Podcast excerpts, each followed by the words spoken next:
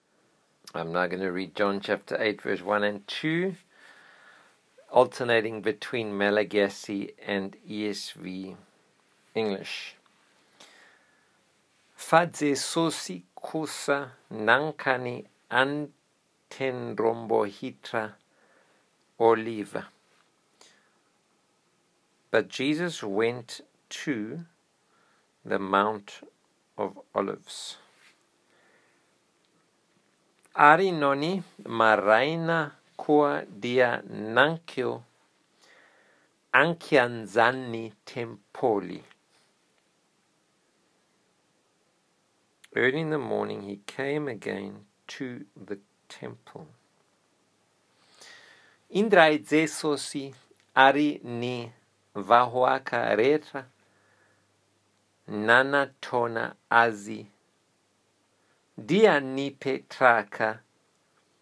is ka nampianatra azi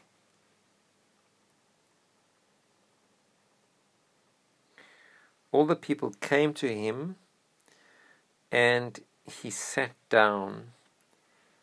and taught them notice the malegasi has the word jesus there in verse 2b and the english has he